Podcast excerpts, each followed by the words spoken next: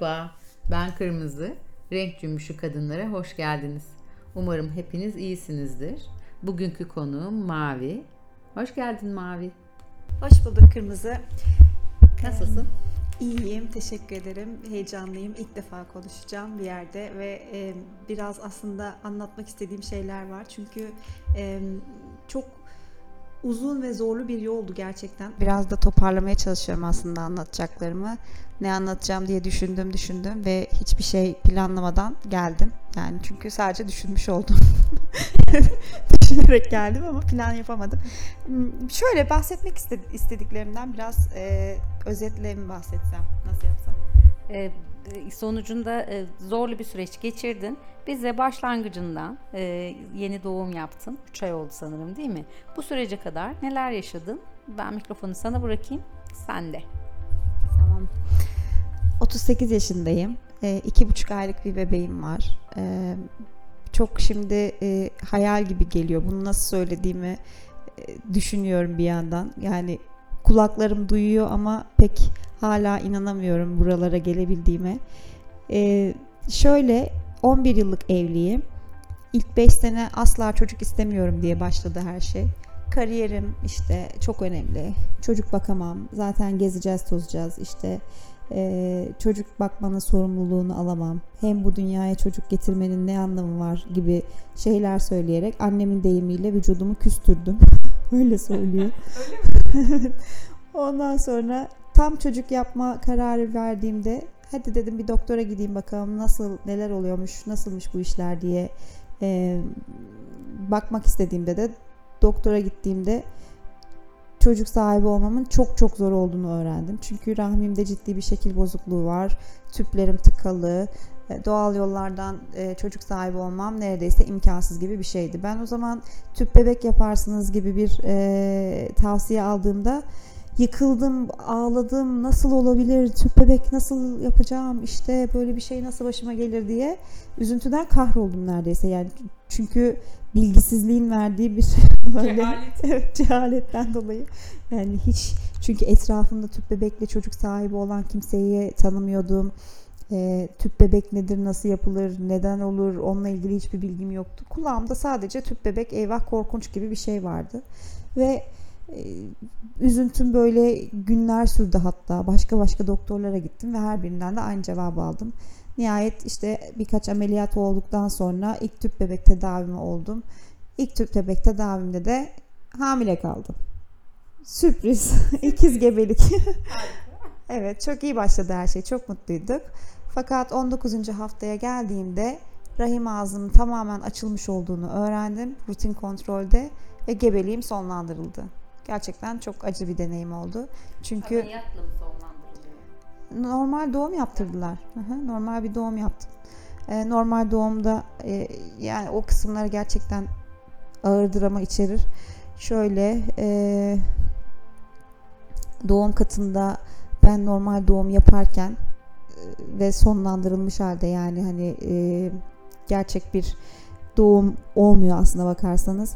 E, yan tarafta da herkes mutlu mesut bebeklerini kucaklıyor. İşte aynı kata koymuşlar harika bir zeka şeyiyle.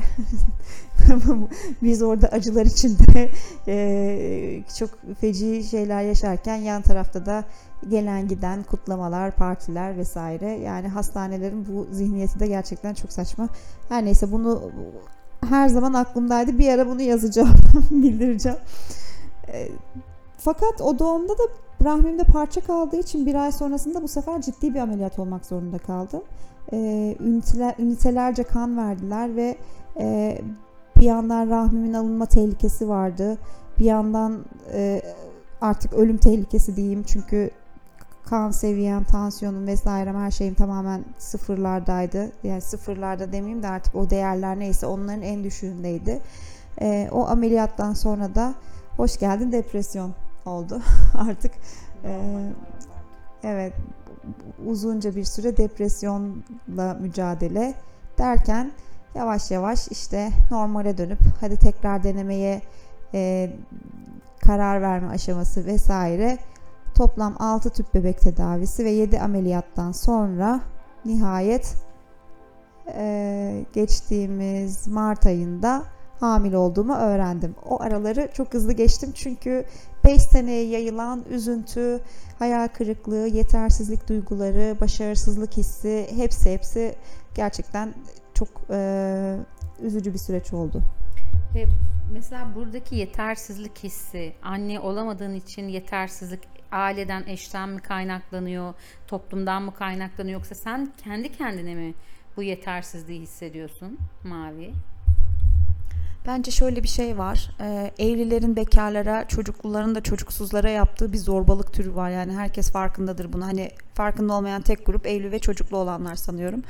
Geri kalan herkes bu zorbalığın farkında bence. Yani e, en ufak şeyde bir e, ya da biz mi alınganız o da olabilir bilmiyorum ama işte anne olsaydın anlardın sen anne olmadığın için bilmiyorsun gibi bir tavır e, var. Bundan belki ben çok alınganlık yaptığım için yetersizlik hissine kapıldım. Onu da bilemiyorum. E, ama şey e, sonuç olarak ciddi bir eksiklik duygusu mu desem ne hissettim? Yani deneyip yapıp yapamamış olmanın verdiği bir şey. Yoksa anne olmak için ölüyorum duygusundan bahsetmiyorum ama her seferinde negatifle karşılaşmak o zaman insanda şey yaratıyor. Hani e, başaramıyorum yapamıyorum. Yani yoksa ben işte ana olmalıyım ana olmak için işte ölüyorum bitiyorumdan ziyade e, tedavilerin sonuçsuz kalması bir yetersizlik veya başarısızlık Neden hissi yaratıyor sanırım.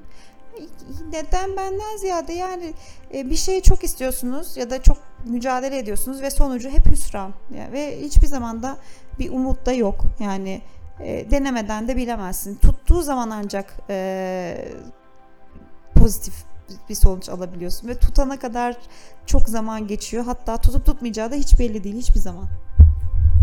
Ama e, benim bildiğim kadarıyla bu süreçte aslında bir deneme süreciyle e, olmadı. E, Junior Mavi diyeyim. Çünkü e, tamamıyla vazgeçmiş ve herhangi bir şekilde artık e, kapıları kapadığım bir zamanda olmuştu.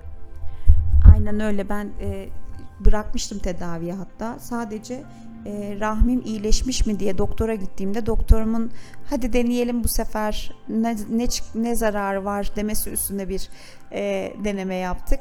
Hatta o kadar umutsuzdum ki aman olsa da olur olmasa da olur zaten olmayacak ama hastanede de dondurulmuş embriyolarım var. Denemekten ne çıkar diye gittim hastaneye. boşa gitmesin. Evet boşa gitmesin diye.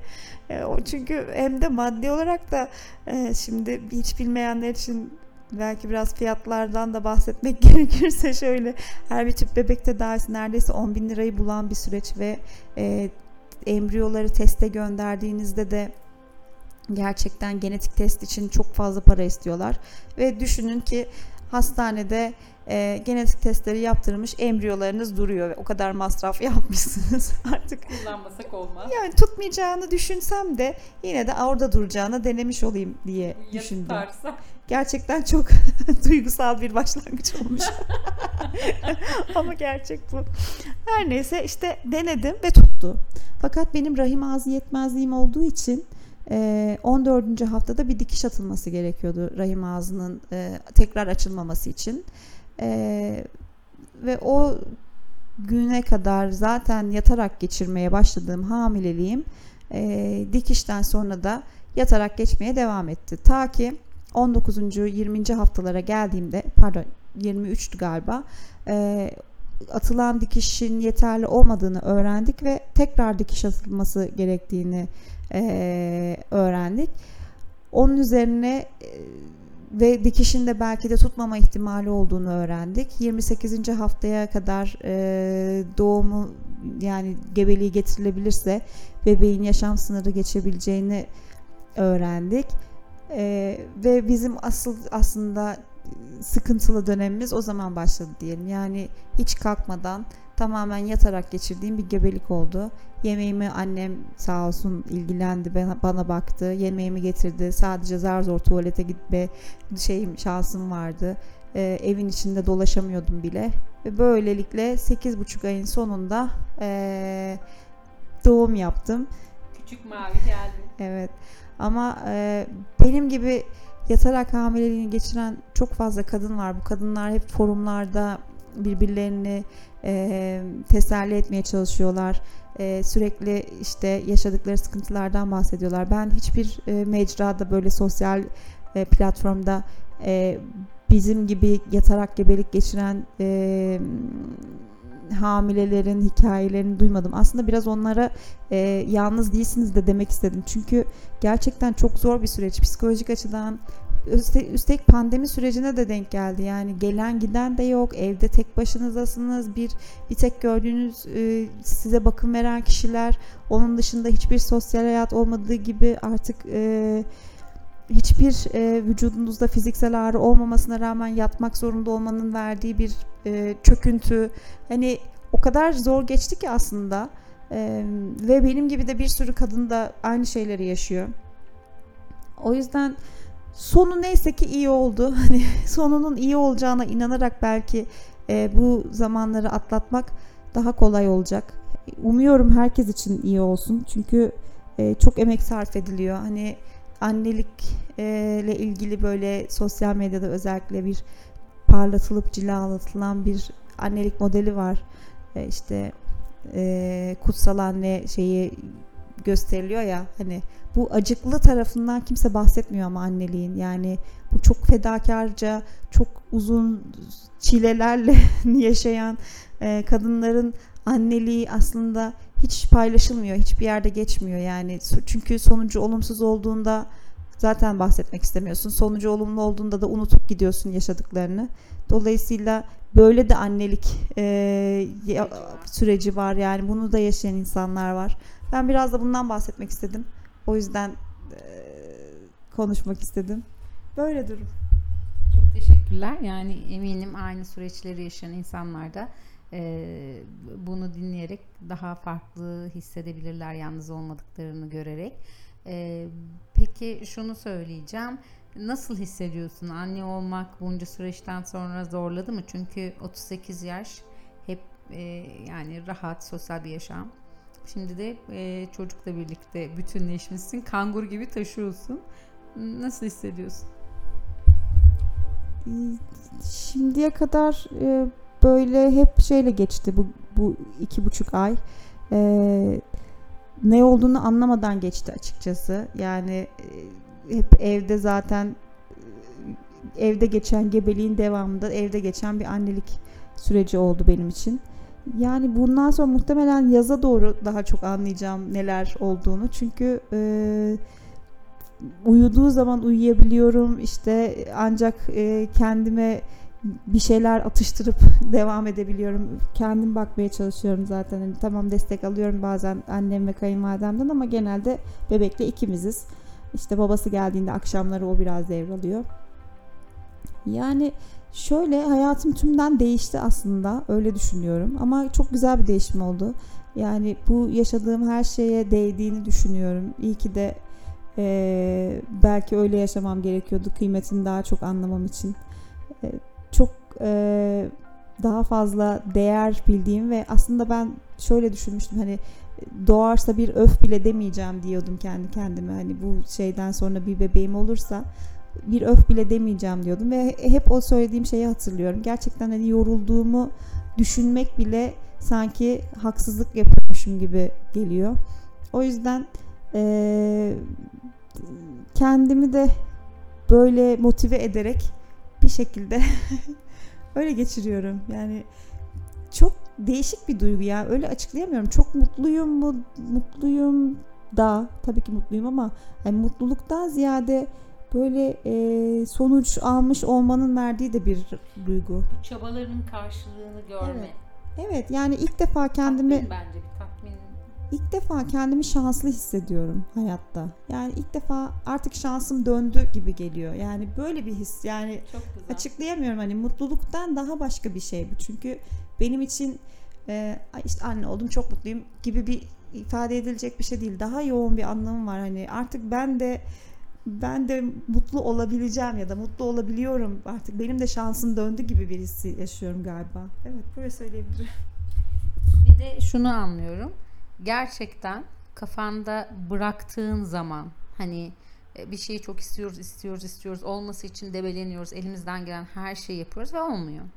Ama gerçekten böyle bırakıp saldığın zaman gerçekleşiyor. Sizde de böyle bir durum oldu aslında değil mi?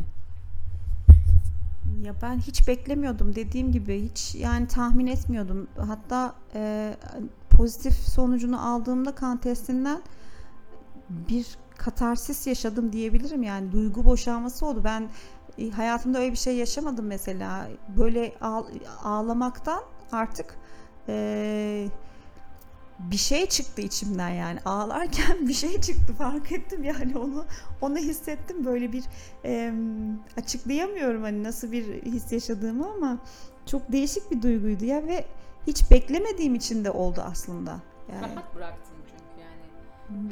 Rahat Öylesine yani olursa olur. hatta yani olmaz olmasa da aman diyordum bu saatten sonra zaten ben anne olmayı çok da istemiyorum galiba filan bu moddaydım yani ama işte tuttu bir ilginç bir şekilde ve Çok da güzel oldu. evet çok yani bambaşka bir şey oldu tamamen değiştirdi hayatımı. Çok teşekkürler katıldığın için. Başka sohbetlerde de başka konularda görüşeceğiz. Katılman için tekrardan teşekkür ediyorum. Ben teşekkür ederim. Görüşmek üzere. Görüşmek üzere.